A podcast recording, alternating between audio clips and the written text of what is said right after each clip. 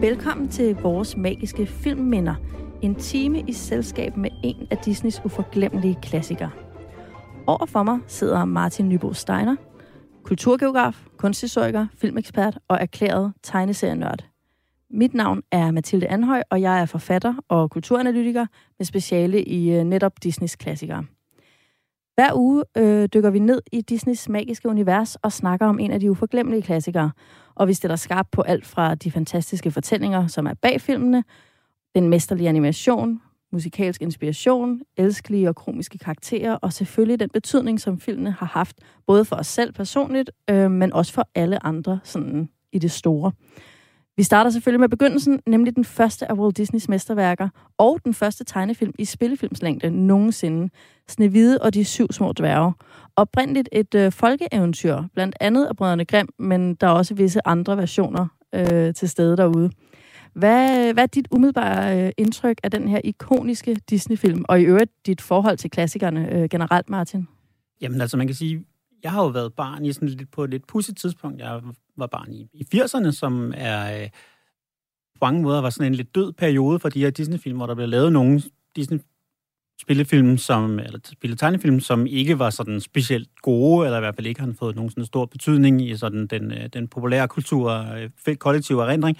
Øhm, så derfor, i min barndom, der var Disney, det var jo Anders Sandbladet, det var et andet universet, kan man sige. Spillefilmene, det var nogen, som, øh, som vi nogle gange tog ned og så i sådan kommunalt arrangerede visninger på, for, øh, for institutionerne, og, øh, og, og måske en gratis visning på biblioteket eller noget tilsvarende, som har været der, hvor jeg så Snevide første gang. Jeg har hørt flere af de andre, de her ældre film, Bambi og sådan noget. Ja. Øhm, og så fra, øh, fra der, slutningen af 80'erne, starten af 90'erne, da, da de begyndte at udkomme den her såkaldte Disney-renaissance med, øh, med øh, Lille Havfrue og Aladdin og Løvernes Konge osv., så, så begyndte det at være sådan en biograf-ting. Så var det en fast, øh, øh, typisk en del af den årlige Københavner-tur. Øh, i, I december måned skulle ind og se den her årlige øh, Disney-film, og så senere er jeg så begyndt at sådan, øh, arbejde med det. Men, men, men de her film er nogle, de her ældre film jo, og der er er jo den ældste af de ældre film, kan man sige. Det er ja. nogle, som jeg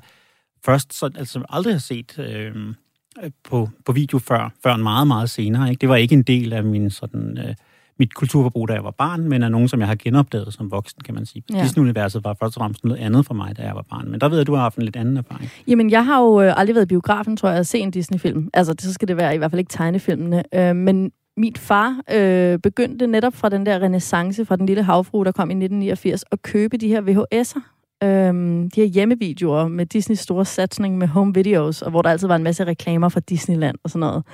Øhm, og der begyndte jeg at samle på dem. Men Snevide, som vi skal tale om i dag, var jo faktisk en af de senere film, vi fik på video, fordi den ligesom blev øh, relanceret et par år efter, øh, vi fik nogle af dem, der altså udkom deromkring. Ikke?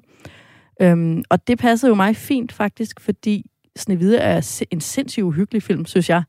Øh, en af de virkelig uhyggelige Disney-film, måske især på grund af den her ret øh, intense heksefigur, øh, vi har der. Så jeg tror, jeg har været... Jeg skal nok have været 10-11, før jeg så den første gang. Helt bestemt. Man kan sige, det er jo også en film, og det kommer jo til at, at snakke mere om det her, som, som, øh, som også måske bærer præg af, at det netop var den første, og man derfor ikke havde et særligt klart billede af sin målgruppe endnu, og derfor sådan talte lidt til en, til en målgruppe, som man håbede eksisterede, som både var børn, men også familier, men også voksne, som så filmen uden børn. Øh, og det var helt klart noget, som man, som man sådan en, en proces, som man skal lære, og som man kan sige, Disney jo så ligesom har, har, er blevet forfinet, forfinet ja. op igennem øh, snart 100 år. Ikke? Men, men, men den er meget uhyggelig, og, og der er bestemt dele af det, som ikke er for de helt små børn. Ikke? Ja. Er der noget, du blevet særlig mærke i den, inden vi øh, sådan går helt i dybden? Altså, jeg tror, det, som er særlig mærkelsesværdigt for mig, og som jeg håber, vi kommer til at snakke om det, det er jo dels det visuelle. Altså, hvad er det her egentlig for en, for en slags film, og hvad er det, der er så banebrydende ved den øh, visuelt, visuelt, og så også den måde, historien er bygget op på. Hvad er det for en type fortælling, det her? Hvordan forholder den sig det, til det med at være et, øh, et folkeeventyr og en Hollywood-film øh, samtidig? Og, og ja. måske også, hvad er det for nogle ting, som, øh, som måske ikke fungerer så godt, eller hvor man stadigvæk er ved at lære håndværket fra Disneys side, kan man sige, i forhold ja, for til fortællemæssigt. Og vi kommer ikke udenom, at der er nogle øh, intense modsætninger mellem Hollywood-filmgenren og folkeeventyrgenren, øh, som Snevide må løse på en eller anden måde. Jeg er jo ret interesseret i, øh, ud over det også, så synes jeg, fortællingen er interessant, så øh, Snevides øh, udvikling hendes øh, sådan lille dannelsesroman inde i den her film, øh, synes jeg er meget interessant, fordi hun starter så uskyldsren. Og så spørgsmålet er, hvor hun egentlig ender, om det er som falden kvinde, eller stadig som uskyldsren. Men øh, det tænker jeg, vi kommer tilbage til senere. Og så er jeg også meget interesseret i de her ligheder, Snevide har med sin stemor, øh, som jeg kan allerede sige nu, jeg er ikke den eneste, der har en øh, skummel teori om, at hun i virkeligheden er altså den onde dronning af Snevides biologiske mor. Men det kommer vi tilbage til. Nu er det vist på tide, at vi øh, smøger ærmerne op og tager fat på den første og måske mest legendariske af Disneys uforglemmelige klassikere. Og vi starter lige med et lille klip her af sangen Vi fløjter og tager fat, sunget i den danske udgave af Tove Hylgaard. Den kommer her.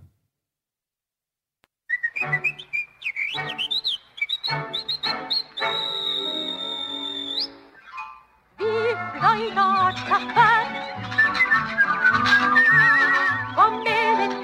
lille fløjtesang Så går det hele glat Og hvis du synger med Så går det rask for hånden Og du glemmer tid og sted En munter melodi Tak for rytmeri Gør slidet til en herlig leg Som før du ved det er forbi Hov, nej, nej, nej Jeg sagde vaske op. Det går så rask for hånden vi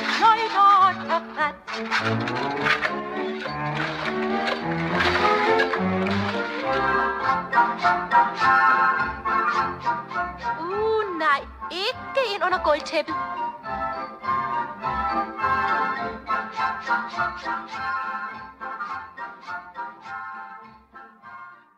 Du lytter til øh, vores magiske filmminder på Radio 4 med filmekspert og tegneserienørd Martin Nybo Steiner. Ja, det kaldte jeg dig.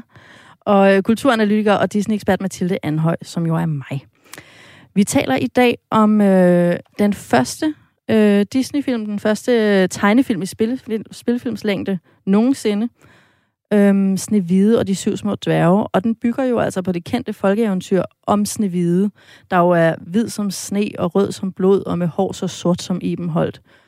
Og øh, hvis stemmer øh, ved hjælp af sit tryllespejl holder regnskab med, hvem der er smukkest i landet her. Øhm, hvad ved vi om den her film sådan umiddelbart? Øh, den er jo helt tilbage fra 1930'erne, det vil sige samtidig med Borte med Blæsten, King Kong og Troldmanden fra os, for nu bare at nævne et par stykker fra den tid. Ja, så produktionen startede i 1934, og filmen udkom i 1937, øh, og, og blev vanvittigt dyr øh, produktion. Det var sådan en produktion, som, som udvidede sig selv som en ballon, øh, og endte med at koste noget, noget i nærheden af otte gange så meget, som det der oprindeligt var budgettet. Øh, det var den første tegnefilm i spil, spilfilmslængde, lidt afhængig af, hvordan man definerer det, i hvert fald var det den første spilfilm, der var baseret på det, man kalder cell animation, altså hvor der er tegnet på de her øh, gennemsigtige celler, som så bliver lagt oven på hinanden øh, og, og taget billeder. Der var lavet noget tilsvarende, der var noget, lavet noget, øh, noget, øh, sådan noget stop motion med nogle silhuetter, og der var lavet nogle, noget dukke-animation også med stop motion, med, men, men sådan en tegnefilm, som det vi vil genkende, der er det den første tegnefilm i spillefilmslængde i verden, der nogensinde er lavet.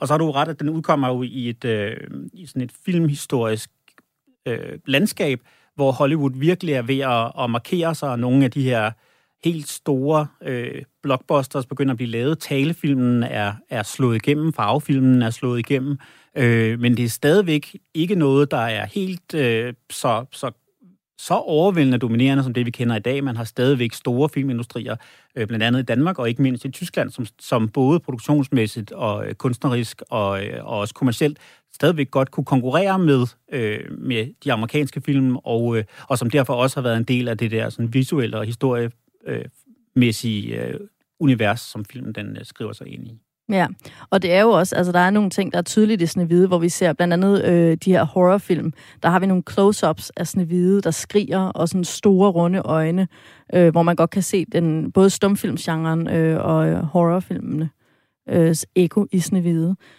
Øhm, nu snakker du lige før om, hvor meget den kostede. Øh, jeg ved ikke, om det her er almen viden. Jeg vidste det ikke, før jeg læste mig til det. Men at i samtiden, dengang Walt Disney lancerede det her, det her filmprojekt med at lave en uh, tegnefilm, der skulle være så lang og komme i biografen til voksne mennesker, men samtidig til barnet i den voksne, der øh, kaldte man det jo Disneys vanvidsprojekt. Og han øh, tog lån i sit hus for at have råd til det, og alle var sådan, nej, nej, nej, nej, nej, det går galt. Og ikke bare indtjente den jo helt vilde øh, mængder af penge, så han kunne snilt betale det der huslån ud. Det var faktisk også Snevide, der øh, tjente pengene til de første Walt Disney-studier, øh, som stadigvæk bliver brugt i dag af Disney i øh, Hollywood. Så det har virkelig været en satsning, som ingen troede på, men som alligevel, det er jo en fortælling, vi godt kan lide.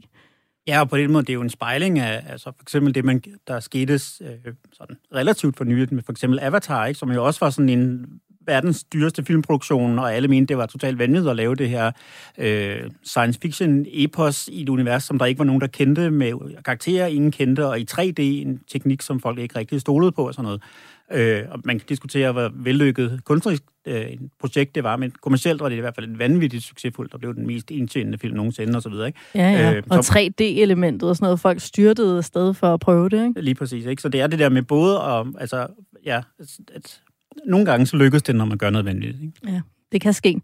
Øhm, ved du i øvrigt, hvorfor det var, at Walt Disney øh, landede på lige netop det her folkeeventyr med Snevide som sit første projekt? Nej, det tror jeg ikke, jeg ved. Nej, det tænker jeg nemlig nok, fordi jeg har undersøgt det specifikt. Der er, øh, der er jo to grunde. Det første er jo, at øh, Walt, da han kun var, ja, han har vel ikke været meget mere end, øh, end en øh, ung teenager, var han inde i biografen for første gang og så faktisk stumfilmen Snevide. Og, øh, og det mener man så har været en af de store inspirationer af hans, altså ikke fordi, at den film var fantastisk kun, men også fordi det var hans første biografoplevelse. Og så er det også øh, en sådan slet, øh, hvad hedder sådan noget, en ikke så hemmeligholdt hemmelighed i Hollywood, at hans øh, kone, Walt Disneys kone, havde en fobi for dværge. Øhm, og han lovede hende, at han ville lave en film med dværge, der var så nuttet og elskelige, at det ville kurere hende for evigt. Det synes jeg, udover at det er sådan lidt upassende med en fobi for en bestemt mennesketype, så er det jo en, øh, en sød tanke bag ved de her, må man sige, ret nuttede dværge, som vel egentlig er den første version af Disneys nuttede dyr i virkeligheden. Det er jo så også kontroversielt på sin egen måde. Bestemt. Men ja, øh, før vi dykker endnu dybere ned i øh, alle vores observationer, både historiske og analytiske omkring den her film, så øh, kan det være, at vi lige skal genopfriske øh, handlingen. Øhm, både for, sikkert også for dig, jeg ved ikke, hvor meget du har. Jeg har set den her film et par gange. Ja, jeg har da også lige set den nu sådan... Ja, til i dag. Op til i dag, ikke? Men, øh, men klart ikke som... Øh, den har, det har ikke været en livslang øh, ledsager, som det har på dit, for dit Nej. Altså, det er jo som sagt baseret på det her tyske øh, folkeeventyr, som vi kender bedst fra Brødrene Grimm, i hvert fald her i Danmark, er det den version, vi har, øh, har øh, brugt mest tid på. Og det handler om den smukke prinsesse, der er hvid som sne og rød som blod, og med hår så sort som Ibenholdt. Og det passer jo strålende på Disneys snehvide figur, øh, som jo netop har det her sorte hår, hvide hud og en, en mund, der er rød som blod. Men øh, prøv lige at høre en gang her i det her klip, jeg spiller nu, hvordan Walt Disney faktisk starter øh, vores, øh, vores kendte eventyr. Kommer her. Der var engang en dejlig prinsesse, der hed Snehvide. Hendes onde stemme og dronningen frygtede, at Snevides skønhed en dag skulle overgå hendes egen. Derfor lå hun prinsessen gå klædt i pjalter og vaske trappen. Lad du mærke til det? Der mangler noget. Ja, der, der mangler temmelig meget, må man, må man sige. Ikke? Der er en helt forhistorie, som er, som er skåret væk. Der er virkelig skåret... Altså, vi har ligesom situationen med den her... Øh, jeg vil ikke sige voksne hvide, men i hvert fald sådan et stort barn, øh, der med, med kvindelig skønhed og sådan noget. Det, der springer vi direkte til, og kongen, kan man sige, og den biologiske mor til Snevide er, er helt de er fuldstændig væk, og hele scenen, hvor at Snevides biologiske mor prikker sig i fingeren, og der falder en bloddråbe på den nyfaldende sne. Altså hele den her fødselsuskyld er jo bare væk. Og det bliver jo noget gennemgående for Disney, det her med, vi snupper lige moren. Men der var også noget andet i den her intro, jeg ikke ved, om du lagde mærke til, øh, som også er klassisk for den her Disney-film. Det er, at lige pludselig har vi lidt Askepot indover. Så skal hun klædes i pjalter og gøre rent. Det har vi heller ikke, øh, det er jo heller ikke noget, der hører Snevide til. Og man, man kan sige, en, en, en pussy detalje, sådan afledt effekt af det her, det er noget, som jeg har tænkt over, hver gang jeg har set det, nemlig det her med, at når man nu fortæller sådan historien som det her, så sådan i vide, at det virkelig underligt navn til pigen. Altså det er mærkeligt, det, er mærkeligt, det bliver ikke forklaret, hvorfor hun hedder det for det første, men det er også, hvis, hvis den her stemor har været meget bange for, at hun skulle blive smuk, altså hvorfor så give hende det navn? Altså hvorfor ikke kalde hende lortebrun eller et eller andet? Altså så var det ligesom, altså, sådan, mere, mere sandsynligt, at hun ikke kunne komme til at konkurrere med, Ja. ja. med hende på, på, på alle sådan tænkelige... Sådan, Du lancerer simpelthen Lortebrun og de syv små dværge. Ja, for eksempel, ikke? Altså, det var da en måde, Remake. ligesom, det var da en måde at sætte hende lidt længere tilbage på, start, øh, på startstregen, ikke? I hvert fald, når vi har, har mistet den her, øh, den her del, øh, hvor moren er med. Ja. Nå, men tilbage til filmen. Øhm, Disney har jo heldigvis valgt at beholde den ikoniske dialog, hvor Snevide stemmer øh, spørger Tryllespejlet, hvem er smukkest i landet her? De har så omdigtet lidt, men Tryllespejlet svarer, de er min dronning, øh, indtil han så svarer, og det tror jeg faktisk, han gør med det samme i Disney-filmen, Snevide, tusindfold smukkere er. Og det er jo faktisk øh, den her dialog mellem dronningen og øh, tryllespejlet, som øh, sætter gang i det morderiske plot i den her film, hvor dronningen først forsøger at få en jæger til at dræbe Snevide, og så senere tager sagen i egen hånd med de her, det her famøse forgiftede æble, som jo har øh, slet skjulte bibelske øh, referencer. Og øh, her har vi faktisk også nogle manglende bidder. Jeg ved ikke, om du ved, kan huske, hvad det er fra det oprindelige. Det er noget med, at der er nogle andre ting, der også er for, for, forgivet, eller forgiftet, ikke? Ja, der er forgiftet, noget med ja. Et silkebånd, synes jeg. Ja, der er nemlig nogle silkebånd, og så er der en kam, øh, som, hun, som bliver taget ud af håret, og silkebåndene bliver løsnet og sådan noget, mm. Så hun bliver reddet før. Og det, som jo er meget interessant, det er jo, at de her to dele, som er forsvundet, det er jo forfængelighedsting. Altså, at det, der frister, det, der leder Snevide i døden, de to første gange, det er hendes. Mm. forfængelighed, fordi hun godt vil have en kam til sit hår, og godt vil have silkebånd. Øh, og det her er jo så også forsvundet her, så vi har mm. en Mm. ikke så forfængelig Snevide. Ja, i og det er Disneys jo også version. helt klart, altså, det passer jo også med den her utrolig uskyldsrene karakter, som det er. Ja. Fuldstændig ubesmittet af nogen former for sådan Ja. urene impulser. Men det fjerner bare spændingen, hvor at øh, Snevide, ligesom sin stemmer, jo er forfængelig, og at forfængelighed er noget farligt noget for kvinder mm. i, Mm. i, det, hen- i det her folkeeventyr. Ikke? Hvor vi ligesom, i Disney-versionen er det lidt som om, det kun er dronningen, der er forfængelig, men Snevide er slet ikke. Og det er jo ikke meningen. Det er jo Nej. meningen, vi skal have advarslen. Pas på, du ikke ender som din stemmer, fordi kvinder kan virkelig blive nogle forfængelige sataner. -agtige. Nå. Så er der slutningen, øh, som vi også heller lige må kommentere på. Øh, for den, vi kender fra eventyret, der er det jo noget med, at en af dværgene i nogle versioner, og i andre versioner er det prinsens soldater, der snubler over en sten, og det øh, stykke af for, det forgiftede æble, der sidder fast i halsen på Snevide, falder eller sådan ryger op. Jeg får en fed scene i hovedet, hver gang jeg tænker på det. Sådan flyver et stykke æble ud af munden på hende. Ikke så elegant. Øh, men det er, jo den, det er jo den rigtige, eller den, hvad skal man sige, folkeeventyrversionen. Og her har vi igen noget mærkeligt roderi, fordi i uh, Disneys versionen, der er det jo Tone Rose, øh, Mm. lige pludselig. Der er det simpelthen, hun skal have Elskovs første kys, og så vågner hun op af den dødelignende søvn. Mm. Øhm, så det er jo også noget nyt.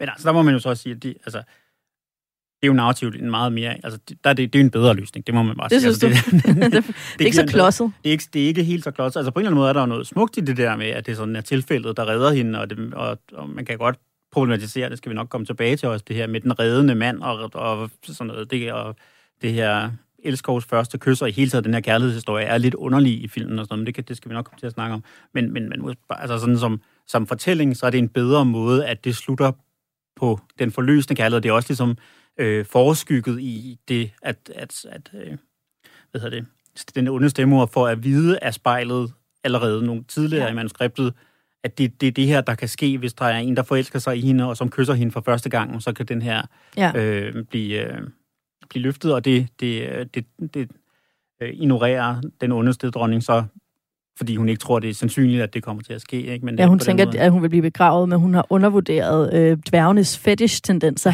Ja. At de selvfølgelig vil udstille hende i en glaskiste. behov for at lade hende ligge på lille parat i... Øh, i Præcis, for evigt. Ja. Og det er meget fantastisk.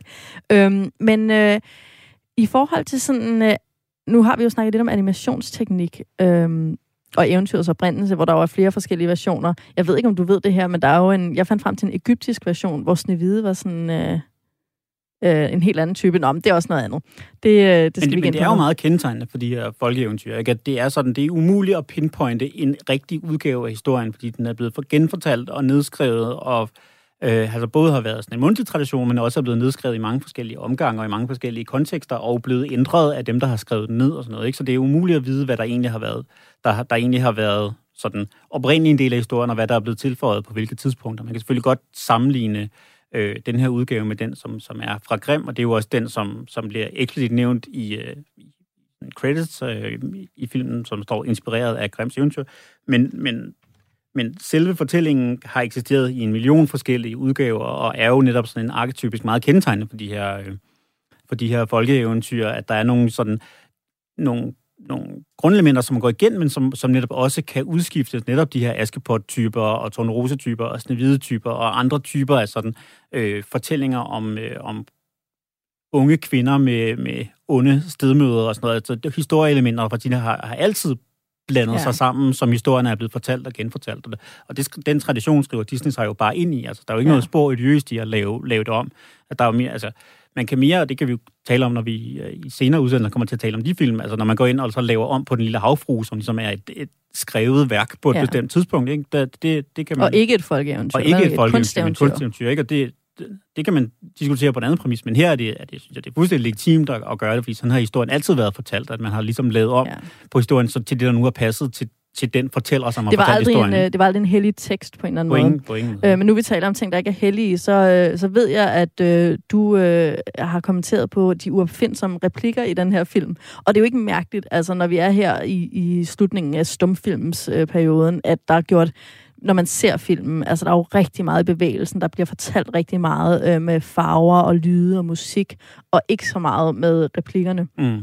Øhm, men jeg ved ikke, om du stadigvæk Og er, er lige også så irriteret. mimik, kan man sige. Karaktererne, ja. det er jo netop det her, som du også siger, låner fra, øh, fra stumfilmene, hvor man har både de her dyr, som, som udtrykker sig ordløst selvfølgelig, men jo også dværgene, som, som i perioder også er meget ja. ud, uh, ordløse, ikke? og som udtrykker sig ved hjælp af, min, af mimik. Og jeg vil sige, at du sagde det første gang, at det var nogle uopfindsomme replikker, tænkte jeg, det kan jo ikke passe, det er en fantastisk film. Og, og jeg har jo nu set den igen, siden du sagde det, og du har fuldstændig ret. Og jeg har et klip her, øh, hvor jeg var, øh, jeg var næsten sådan helt chokeret over, øh, hvor kluntet det lyder, når man ikke har de her fantastiske billeder til at bakke op om det. Og der det, synes jeg, det er jo værd at sige, at det er jo altså ikke oversætternes skyld. Det er faktisk en rigtig, rigtig god dansk oversættelse, der er, der er i den danske, den danske version. Jeg synes faktisk tit, øh, at det, det, det er mere elegant formuleret i den danske udgave. End Jamen, det er helt åbenlyst, at, at tegneafdelingen i Walt Disney Studios på det her tidspunkt er lidt større end replikafdelingen. Øhm, men prøv at høre det her klip en gang. I må ikke sende mig væk. Hun er ond. Hun vil dræbe mig. Dræbe dig? Hvem? Ja, hvem? Min stemmor. Dronningen. Dronningen! Hun er modbyd! Hun er sørme gemen! Hun er en gammel heks! Sådan, ja, okay. altså, der er bare, når man tænker på de nye Disney-film, hvor, altså, hvor øh, intelligente og hurtige og humoristiske deres replikker er, så er det bare fuldstændig livet af landevejen her i den her film. Ja, ja, altså det er virkelig en til en af, hvad der sker. Ikke? Ja. Og man, kan- hvis, man, hvis man skulle se på det på en positiv måde, så kunne man sige, at det er effektivt. Ikke? Altså, det er effektiv historiefortælling, mm-hmm. øh, og det er de her eventyr jo også tit. Ikke? Så sker der Det det, og så sker der det, og så sker der det. Og Du mener er altså, god, det er en ond, fast noget. beslutning? Ja, nej, det tror jeg, det De tror jeg mimer ikke. folkeeventyrgenren. Det tror jeg ikke, de gør, men, men, men altså det, ja, det, er, men det er jo i hvert fald ikke for replikkernes skyld, og for, for sådan det vittige i sådan en eller anden lille sådan Nej. kløgtig vending, som nogen siger. Det er ikke derfor, man skal se filmen, men, Nej. men, men det, det er jo helt klart også et, altså et manuskript, der, der er i tjeneste af noget andet. Ja, øh, det er det. På rigtig mange måder. Det er og det. jo Det er så ikke netop. Og det er jo så netop dels det visuelle, men jo også humoren. Altså det er jo, Det er den historien, visuelle er, humor. Jo, historien er jo i meget høj grad sådan et leveringssystem for visuelle gags. hvad for noget? det, det er jo alt for avanceret til mig. At Altså- der kommer en række... Ja, altså historien er der bare, så vi har undskyldningen til for at have nogle scener, som kan være sjove. Ah ja, det er rigtigt nok. Vi har den her snevide fortælling, og så kommer der bare nogle lange scener, som intet har med snevide at gøre, med nogle sådan meget nuttede, bløde dværgefigurer, der laver sjove ting, og øh, ændrer konsistensen på alt fra øh, juveler til øh, vand. For. Øhm, er der en masse skæg ting. Noget, jeg jo øh, synes er vildt fedt ved den her film, det er øh, dronningens øh, sådan Marie Curie-agtige videnskabskvinde inde i sit laboratorie med kolber og reagensglas. Øhm, også fordi den netop er nu nævnte jeg jo tidligere Frankenstein fra 1931, men der er også Dr. Jekyll and Mr. Hyde fra 1931 også, som jo har de her øh, monsterlignende videnskabsmænd, der, øh, der ligesom på en eller anden måde krænker naturen ved at øh, eksperimentere i deres laboratorier, og resultatet af deres eksperimenter bliver en eller anden form for monster. Og det er jo præcis det, vi ser med den her kloge dronning, der går ned i sit laboratorium, og så kommer der ud af laboratoriet det her Frankenstein-heks, øh, som er både frygtelig ond og frygtelig grim. Helt sikkert, jeg vil forlængelse af det, jeg sagde tidligere, sige, at vi skal måske virkelig endnu længere tilbage. Vi skal tilbage til, til sådan, den tyske ekspressionisme, også i 20'erne og 30'erne, altså filmudgaven af ekspressionismen, og, og film som, som Dr. Caligaris kabinet, for ligesom at finde kimen til de her, den der type indstillinger, og den der type skurk også, ikke? Den Ja. måde at skabe uhygge på. Øh, men, men det vender vi tilbage til senere, det her med, hvor er det, hvad, hvordan er det, det visuelle formsprog i filmen her forholder sig til nogle af de strømninger, der ligesom visuelt var i tiden. Men det synes jeg Ja. helt klart er en, er en hvor du har helt ret, at der går en, sådan en lige linje fra, fra det gotiske i, i måske 1800-tallet, og så op gennem den her tyske mm. ekspressionisme, og til de her tidlige Hollywood-gyserfilm, og så til den måde, der bliver skabt uhygge på. Ja, det er jo også de romaner, man tager op. Altså Mary Shelleys uh, Frankenstein er jo skrevet netop øh, i 1800-tallet. Lige præcis. Så vidt jeg husker, nu bliver jeg pludselig i tvivl om, hvor ting det er. Ja, men, øh, men ja, og nu vi er ved det visuelle, så skal jeg lige nå at sige, at noget jeg jo også sad og kiggede på, som jeg jo slet ikke fattede, da jeg så den første gang i 10-årsalderen.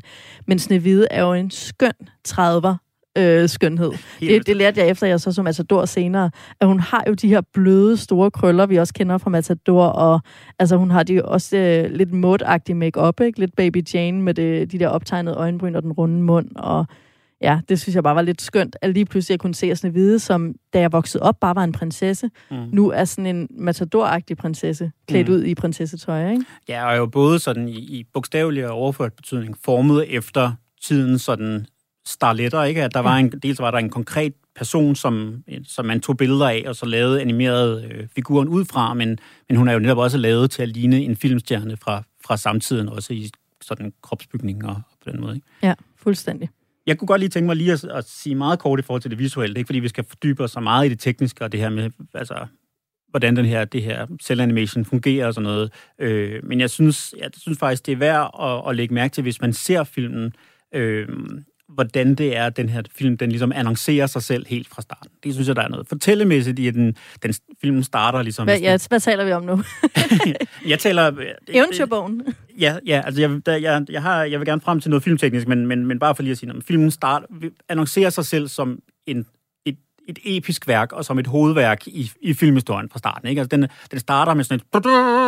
Ja. Øh, og så er kommer, så kommer der sådan en tak fra Walt Disney i starten af filmen. Det Ja. plejer man jo altså heller ikke at have i filmen. Instruktøren starter, Nej. med, instruktøren starter med at takke øh, Medarbejderne. Dem, medarbejderne. Og så kommer den her eventyrbog, og det åbner op. Men så kommer man ind, og så inden for de første øh, 3-4-5 minutter, så har man øh, nogle, altså, nogle, sådan, nogle indstillinger, og det er det jo ikke, når det er en animation, det ved jeg godt, men, men altså nogle, nogle billeder, som er nogen, som på det her tidspunkt ville have været meget, meget svære, eller i hvert fald meget, meget dyre at lave i rigtig film. Og hvor det også, det, jeg mener, det, det, at det virker som en bevidst beslutning at sige, vi, nu skal vi fandme vise dem, vi skal vise dem, hvad det er, vi kan, og hvorfor det er, det giver mening at lave Tegnefilm. tegnefilm i spilfilmslængde, fordi vi kan noget andet, end det øh, realfilmen kan. At der er en, en, en indstilling, som, hvor kameraet sådan bevæger sig igennem, og det er jo ikke kamera, det, men bevæger sig ind igennem Ja. et, et, sådan et løvhang, og der er filmet Ja. igennem flere forskellige lag af baggrund og forgrund, uden at man mister fokus på det, der er, virk, der, der er vigtigt. Ja. Så har vi en indstilling lige bagefter, som er filmet fra under vand, op igennem vandoverfladen, Ja, op, i, op i en brønd, op på, på Snevide. Og så kort tid derefter, så laver man hvad der så senere ville være sådan et kranskud, eller i dag måske sådan et droneskud, hvor, hvor man starter med at, at, at have et billede af noget, der foregår i et tårn på slottet, og så bevæger kameraet sig gennem luften over til et andet tårn på en Ja. måde, som, som ville have været vanvittigt dyr, måske endda teknisk umuligt at lave i realfilm på det her tidspunkt. Så, så, så jeg synes, det, det visuelle, sådan det filmtekniske, altså udover at det er ret overlegent, og selv i dag ser virkelig flot ud, altså så tror jeg også, at der har været en, en, en jeg tror, det har været vigtigt for, for Walt og for filmskaberne i det hele taget, helt fra starten at sige, prøv at se, vi skal have, pub- Ja. ja. der skal være wow-faktor, publikum skal imponeres med det samme. Ja. Og det her er faktisk også en wow-faktor for voksne. Ja. Altså, det er jo det, der sker. Og det er jo i øvrigt, nu taler du om øh, den hele den her indledende scene med Snevide i gården og dronningen op i tårnet. Hun går jo ind til tryllespejlet, som også er sindssygt fedt lavet. Sikkert. Altså med det her røg og ild, mm, og det her sådan lidt androgyne, uhyggelige maskeansigt. Og senere også i øh, dronningens forvandling, der har vi jo også at gøre med en scene, som man nok ikke kunne lave i 1936 eller 37. Altså hvor hun sådan, hendes hår flyver afsted og ændrer sig fra sort til hvidt, og øh, hun er omgivet af røg og bobler og grønne ting, og hænderne, der ændrer sig fra de her smukke, slanke øh, damehænder til heksekrave tær. Mm. Altså noget, noget, nogle helt vilde transformationer, som jo kan laves med tegnefilm, og som jo ikke kunne laves, i hvert fald ikke flot, i 1936 øh, i en almindelig film. Nå, men øh, vi har jo flere ting, vi har lagt mærke til i den her film. Og hvis øh, nu er vi jo allerede ved den her introscene, så hvis jeg lige må øh, øh, dreje opmærksomheden, din opmærksomhed, Martin, væk fra øh, det visuelle, og så øh, hen på det sådan indholdsmæssige Jeg ved ikke, hvor meget du tænkte over det, men vi har jo faktisk den onde dronning oppe i tårnet, Snevide nede i gården. Og så har vi den her, øh, de er sådan stillet over for hinanden, hvor dronningen er indenfor i mørke rum, tykke gardiner, kunstig belysning. Nu er det jo ikke sådan et elektrisk lys, men altså sterinlys. Og Snevide udenfor i naturlig sollys. Men de laver det samme. De spejler sig begge to. Den ene i et sådan tryllespejl, og et meget kunstfærdigt tryllespejl med guldramme, og Snevide står og kigger ned i det naturlige spejl, nemlig vandoverfladen, øh, omgivet af hvide duer, så man er sikker på, at hun er uskyldig. Øhm, mens dronningen er omgivet af hekseri øh, i form af det her tryllespejl. Så det er jo en helt skøn opstilling fra starten, synes jeg, at den her overciviliserede, smykkebefængte, øhm, overdådigt indrettede slotskammerdronning, mm. modsat den her næsten Eva-agtige figur, der går rundt i Edens have øh, nede i gården, ikke? Inden, inden hun har spist af æblet. Ja, jeg kom tilbage til min reference til Bibelen med, øh, med æblet, som kvinden skal spise af. At hun er jo en slags Eva-figur, der går rundt i Edens have hernede i gården, og slangen oppe i træet, ikke? altså oppe i tårnet, øh, som senere vil friste hende. Det tror jeg jo er overlagt fra Disneys side. Det er jo ikke en ikke-kristen mand, vi taler om her. Nej, nej, bestemt. bestemt. Det, tror jeg, du har, det tror jeg, du har meget ret i. Øhm, og jeg synes i det hele taget, der er et, et, et interessant sådan, øhm, aspekt af filmen her, som netop handler om det her med, med det naturlige over for det unaturlige, ikke? Hvor, hvor, hvor Snevide jo netop er kendetegnet ved at være enormt meget i kontakt med naturen. Hun kan tale med dyrene, hun kan falde hurtigt i, øh, i snak med de her skovens folk, de her dværge og så videre, og så videre, ikke? Og, og, og, og, og altså på en eller anden måde, så støtter naturen op om hende i, i slutningen, så er det jo også naturen, der slår dronningen ihjel. Ja. Øhm, det slutningen kan vi lige vende tilbage til, men, men, men, men der er helt klart en, en forestilling om det her mellem det naturlige og det, og, og det ikke-naturlige. Ja, det kunstige, ikke? Det, og det kunstige, ikke? Og der kan man sige, det, det, det er sådan depriverede og moderne, og det som, som dronningen jo så også øh, på en eller anden måde repræsenterer, selvom den jo så er sat i en eller anden ubestemt øh, fortid, øh, ja. den her. Altså, så det, man, altså, man kunne godt have gjort det endnu tydeligere ved at også have altså, der har tilføjet sådan teknologi eller et eller andet andet. Det Men det måske tror jeg, spejlet er. Altså, jeg ja, tror, jamen, spejlet er, er ja, hvad magien, skal man sige? Magien ja, magien er, i den her film. Den fordi magien magi. bliver senere jo god magi i Disney-film. Men i, i Snevide er det jo netop, der er magien udelukkende ond. Hmm. Mens at, øhm, hvad skal man sige, den, den naturlige verden har ikke magi. Så her i den første Disney-film, der er alt det, vi forbinder med Disney, de her hvide gnistre, øh, god magi det er ikke den magi, der er. Det er en slags, netop som du siger, sådan depraveret teknologi, som man skal passe på, at man ikke tager for vidt, fordi så hævner naturen sig. Og det er det, naturen jo gør øh, i slutningen. Måske vi skal, øh, skal tillade os selv at snakke om slutningen nu. Ja, øh, ja fordi der sker jo simpelthen det i slutningen, at, øh, at i modsætning til i i hvert fald i Grimms udgave af Folkeeventyret, og så tror jeg, at de fleste udgaver af det her Folkeeventyret, hvor det så er, er prinsen, der, der hævner øh, på, på Snevides vegne og dræber øh, den onde dronning, så er det her i, i naturet, øh, der, der, der, der dør dronningen ved et uheld. Ja. Øh, hun er oppe på en klikke, klippe øh, på flugt fra, fra dreve, dværgene, som prøver at fange hende, mm. øh, og, øh, og forsøger, er i, i færd med at forsøge at skubbe sådan en klippeblok ned ja. over, over dronningen, da da den klippe, hun står på, pludselig bliver ramt af et lyn, og hun selv falder i, øh, i afgrunden, og i øvrigt får det der klippestykke ned over sig, øh, som hun selv ville have kastet over andre. Så der er jo også en eller anden form for, for kosmisk eller karmisk retfærdighed over det med, med naturen som, som dommer og bødel. Ikke? Lige præcis, og jeg tror det vigtige her, øh, også i forhold til de her øh, både øh, altså tidlig horror-litteratur, men også gyserfilm, så er det det her med, at når du krænker naturen ved at være en, en øh, gal videnskabskvinde, jamen så kommer naturen til at hævne sig på dig. Mm. Altså, så, så er det der, det kommer fra. Og det er jo øh, i øvrigt noget, som Disney tager op flere gange, at Disneys helte og heltinder, de slår aldrig ihjel. Det tager naturen sig af. Øh, mm. Øh, fordi at skurkene typisk vil krænke naturen, fordi ja. de vil have al magten, og altså hele den her den her øh, almagtsskurk. Øhm, mm. Den ser vi komme tilbage i rigtig mange Disney-film, og bliver hævnet af naturen. Mm. Senere mm. bliver de så hævnet af, når vi er helt op ved Aladdin og så videre, så er der nogle helte, der godt kan finde ud af at give tilbage. Men i lang, lang tid, der er det altså naturen, der er hævneren. Mm. Øhm, og i den oprindelige er det jo de her glødende sko, hvor, hvor den onde dronning, det er jo typisk folkeeventyr, de er sådan vilde og blodige. Altså, de er ikke helt islandske sagaer, men, men de er ikke kønne, vel? Nej. Øh, og det havde jo været en fed scene, fed dansescene med glødende sko. Jeg kunne godt se en flot ballet øh, blive udført der. Men det har man altså droppet, og det giver jo også mening, fordi der er jo bare en amerikanisering, der foregår, med, og med alle Disneys folkeeventyr.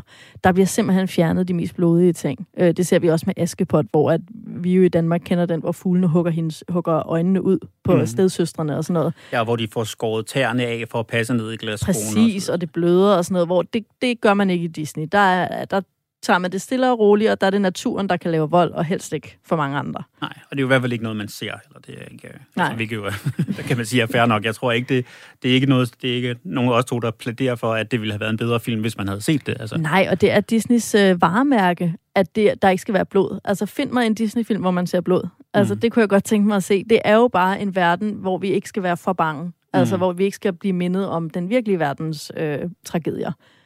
Øhm, nå, men tilbage til dronningen, fordi jeg synes jo, at der er noget rigtig interessant ved den her, øh, den her Eva-udvikling fra, øh, fra uskyld øh, til øh, et eventuelt syndefald. For der sker jo selvfølgelig det i Disneys øh, version, at dronningen tager ud i skoven, finder Snevide og øh, får givet hende en, et æble, som er forgiftet, som hun tager en bid af. Og helt konkret falder, altså hun falder om. Så der er jo et reelt syndefald i det, hun tager et bid af æblet. Men det, der er interessant, øh, nu har de jo fjernet kam og silkebånd, som jo er den her forfængelighed. Men øh, syndefaldet, altså den her faldende kvinde, som Snevide er, da hun ligger på gulvet, det kommer sig jo af konteksten. Fordi hvorfor er det i Disney-versionen, at Snevide tager en bid af det æble? Fordi i folkeeventyret er det jo almindelig begær, altså den her frugt, og det er så symbolik nok, ikke? Altså, at mm. det kan være noget seksuelt, den her, øh, når man føler begær. Det er mm. sådan set ligegyldigt, om du føler det efter noget lækker mad, eller efter en person af det modsatte køn, eller det samme køn. Hvad har du? Eller kundskab. For nu eller kundskab, for nu at tage den, den ja. faktiske bibelreference. Men dronningen siger til Snevide, at jamen, tag en bid af æblet, for det er et ønske, det er et trylleæble. Så hvis du, tager, hvis du har et ønske, du virkelig ønsker dig, så kan du tage en bid af det, og så bliver, går det i opfyldelse. Og Snevide siger sådan, at ah, hun har der, ja, hun har der en lille drøm eller et lille ønske, og det handler der om noget med en prins. Og ja, jo, jamen, hun vil da rigtig gerne have den her prins. Så det er jo reelt et seksuelt ønske. Mm. Hun øh, i, i en helt disnificeret, blid uskyld for formuleret, hun vil gerne være kærester med prinsen, muligvis endda have sex med prinsen, og det er derfor, hun tager en bid af æblet, og det er derfor, hun falder om. Det er mm. det, der er søndefaldet. Mm. Det synes jeg jo er flot arbejde, Disney. Ja, det, det synes jeg, du har ret i. Samtidig er det også sjovt at tænke over, at det, som er, er heksens plan, er jo at sige, at hun tænker, når man, når man Snide Hvide vil slet ikke kunne sige nej, når der nu kommer. Altså, ja. det, der er det, der er simpelthen spørgsmål om ren, om ren at spørge høflighed, at hun vil ja. slet ikke kunne sige nej, når du kommer ind og tilbyder hende et gratis ja. æble.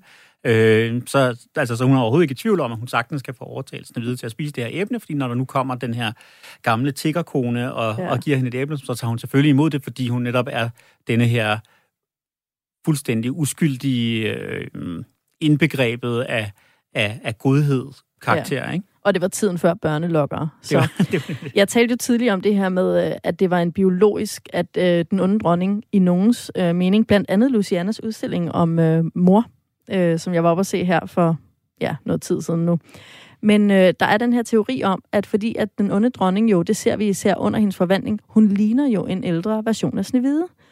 Altså i det øjeblik, hun mister den her middelalderkappe og krone, mm. hun går rundt med, der har hun det samme sorte hår, hun har den samme hvide hud, og hvis man kigger på hendes øjenbryn, læber og altså sådan hele hendes ansigt, så er det en slankere, let ældet version, vi har.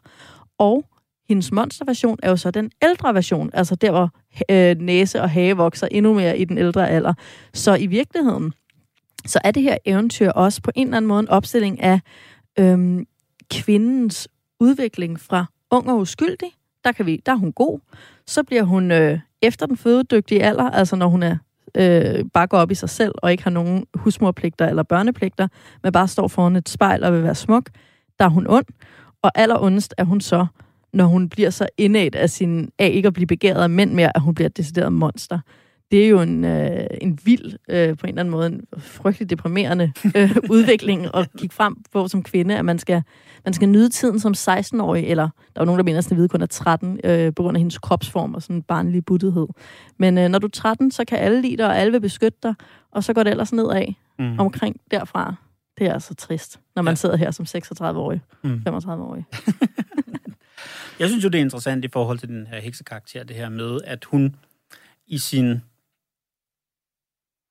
den position, vi møder hende i, når filmen starter, og så i sin forvandlede øh, øh, sådan Monsterform. monsterform øh, repræsenterer to forskellige typer af sådan farlig kvindelighed, ikke? Hvor den ene, på den Ja. ene side, altså når hun er, øh, som hun er, da filmen starter, når, der repræsenterer hun den ambitiøse kvinde, den den kyniske, den manipulerende kvinde, øh, den som virkelig er farlig for manden, fordi hun ikke er til at stole på, fordi hun ikke har nogen ære, fordi hun ja. ikke har nogen, øh, altså, fordi hun hun vil gøre, hvad der, hun ikke har nogen sådan sande værdier at holde fast i og sådan noget. Øh, og så da hun forvandler sig, så forvandler hun sig til en anden type farlig kvindelighed, nemlig den ikke-seksuelle kvindelighed overhovedet, altså til, til det grimme. Ikke? Ja. Altså det er den anden måde, man kan være en forkert kvinde på. Man kan være en forkert kvinde ved at være for stærk, fatale. ja. og man kan være en forkert kvinde ved at være for grim. For grim, ja. Og, og, og, og hun har ligesom kun de her to positioner at være på. Hun er aldrig en rigtig kvinde, som, som Nej. kvinder bør være i, Nej. i, i den her øh, sådan Nej. puritanske, både sådan folkelighed, men også amerikanske kristne ja. logik. Altså, så er Puritanske det- også. også på, på en, Ja. en anden betydning. Øhm, altså det, og det, det synes jeg sådan set er, er, er, ret interessant, når vi kigger på Disneys kvindeskikkelser i det hele taget. Ikke? At, ja. at, hvad, hvad er det, der er monstrøst? Ja. Og der starter hun jo i virkeligheden som den ene type kvindemonster, og ender som den anden type Ja, kvindemonster. smuk og magtbegærlig, ikke? Det er ja. den Ja. ene, og så er der grim. Ja. Ja. Altså grim, og, og ja, hun er selvfølgelig også ond, men, men det vigtige er jo, at hun er grim og gammel, Ja. ikke? Og, og ikke afhængig af mænd, fordi selvstændigheden er også vigtig. Og vi mangler jo en af de gode kvindetyper, for den ene gode kvindetype i Disney er selvfølgelig, og i folkeeventyr er jo den unge, men vi mangler den søde mor, altså den, den tykke helst, Ja, The Fairy Øh, Godmother. The Fairy Godmother, som kommer senere. Hun er ikke med i Snevide, og derfor er der heller ikke nogen god magi i Snevide, for de to ting hænger sammen. Mhm. Mm. Men det kan vi kan ikke nå at snakke om mere nu, fordi vi skal faktisk videre Ja. til vores øh, faste indslag. Øhm, vi har Vi det kan, jo... ja, vi kan Ja. måske lige fortælle, uh, nu er det jo første udsendelse her Ja. i rækken, og, øh, og det vi vil gøre i de her, vi har ikke tænkt os at tage filmene kronologisk, øh, selvom vi starter nu her med den første. Vi, vi vil tage dem i lidt sådan blandet rækkefølge. Vi kan forklare principperne bag det, når vi kommer til det. Men Ja. øh, en af de ting, vi vil gøre i hvert afsnit, det er, at vi vil prøve at slutte af med at lave sådan en slags kåringer af, af, af ting, som vi synes er særlig sådan, bemærkelsesværdige ved den her film, både på den gode og på den dårlige måde, og så også prøve at give den en eller anden sådan rangering i forhold til andre Disney-film, og måske også en kort anbefaling af hvor skal man se den her film eller, eller ej. Ja, men, men vil du starte med at, at beskrive Ja, vores altså, kategorier? man kan sige, det første, vi, vi har aftalt, vi ligesom vil gøre, det er, at vi vil udnævne filmens øh, Disney-klimaks. Øhm, den nemmeste måde at beskrive det, det er ved at sige, den scene, som burde være med i Disneys juleshow. Altså der, hvor vi sidder med den der ægte Disney-følelse, ikke? Og i den her tilfælde er det jo så en scene, der rent faktisk er med i Disney's juleshow. Kunne det jo i hvert fald være, ikke? Præcis, der er i hvert fald, men det er jo også vores personlige version, så det kan jo være, at vi har nogle andre, og det kan da være, at Disney lytter med og tænker, ej ja, vi skal have endnu en scene med. Disney juleshow kunne godt tåle at blive en halv time længere, hvis du spørger mig. Nå, men altså det er her, hvor man mærker bare virkelig filmens essens helt ind i hjertet, og det man husker som mest magisk. Øhm, men vi skal også øh, tale om filmens tokrummer, fordi det er en gammel film, så selvfølgelig er der nogle ting, som vores øh, moderne øh, ører og øjne slet ikke kan, kan være med. Øhm, det er der i, i alle gamle film jo, og selvfølgelig også i Disney-film. Så vi udnævner også filmens tokrummer, som er det, vi har sværest ved at se i dag. Øhm, og så til sidst, så giver vi den en... Øh, altså, der er jo nogen, politikken giver hjerter, og nogle, du ved, restauranter for kokkehuer og så videre, men vi giver forkyllinger, selvfølgelig, efter. Jesper Forkylling. Øhm, og vi giver mellem 0 og 6 forkyllinger til alle film, og så ser vi, øh, hvor de lander i vores helt subjektive øh, rangliste. Men øh, det kan være, at vi skal starte med det negative, Martin. Ja, topkrummeren, altså øh, den, øh, det aspekt af, af filmen, som nok ville være anderledes, hvis man havde lavet det i dag.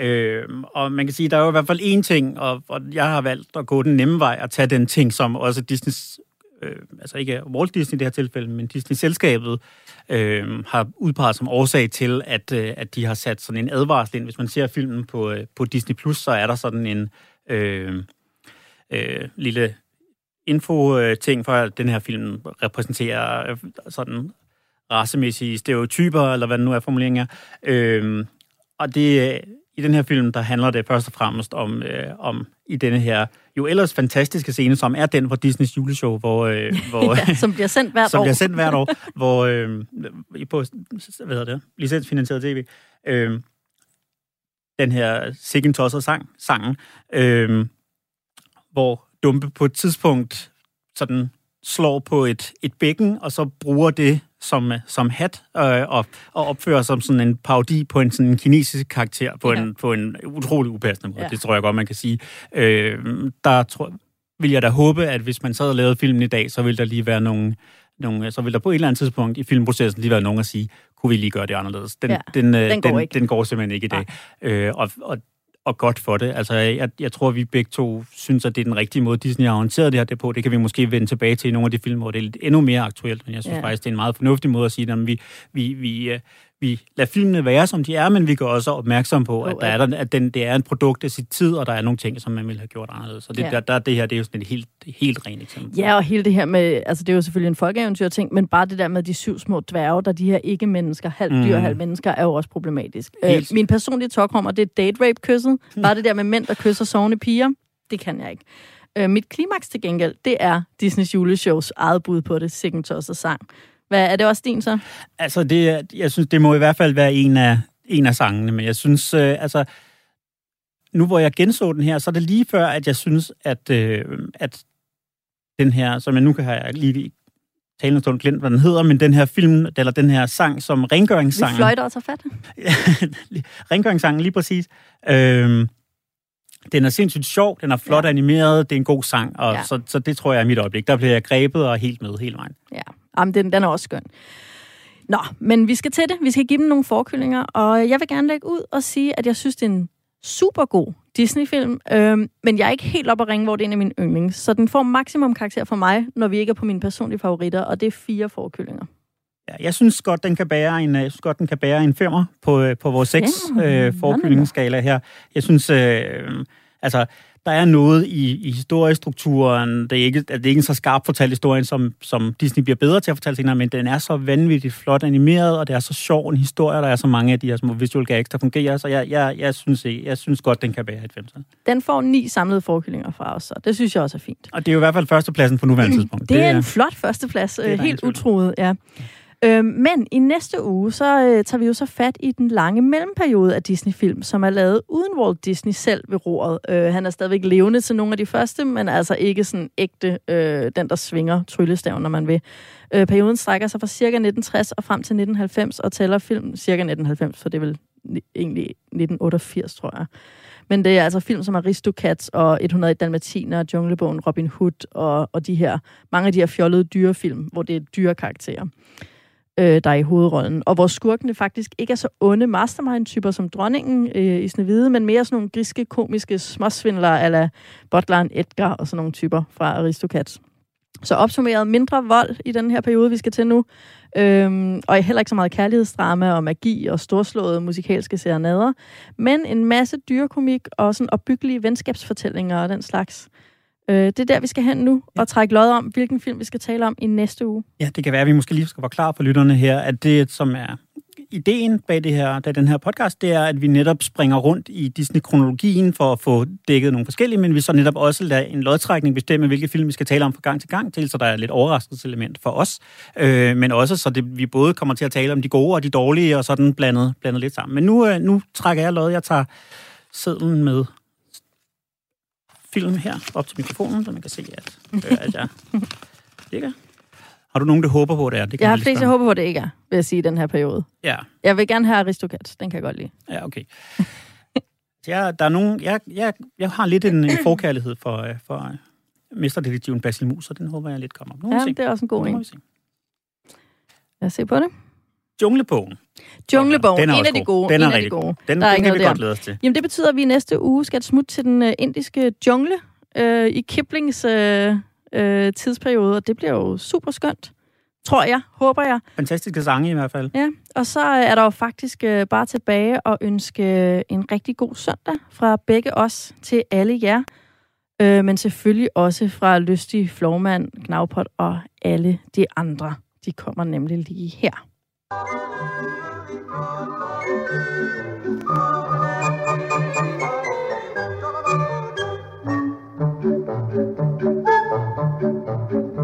Når jeg vil danse denne her, så tager min fødder magten For jeg har vasket mine tæer, så de kan ikke holde takten Hej, hvor du er for nu, det er en tosset sang.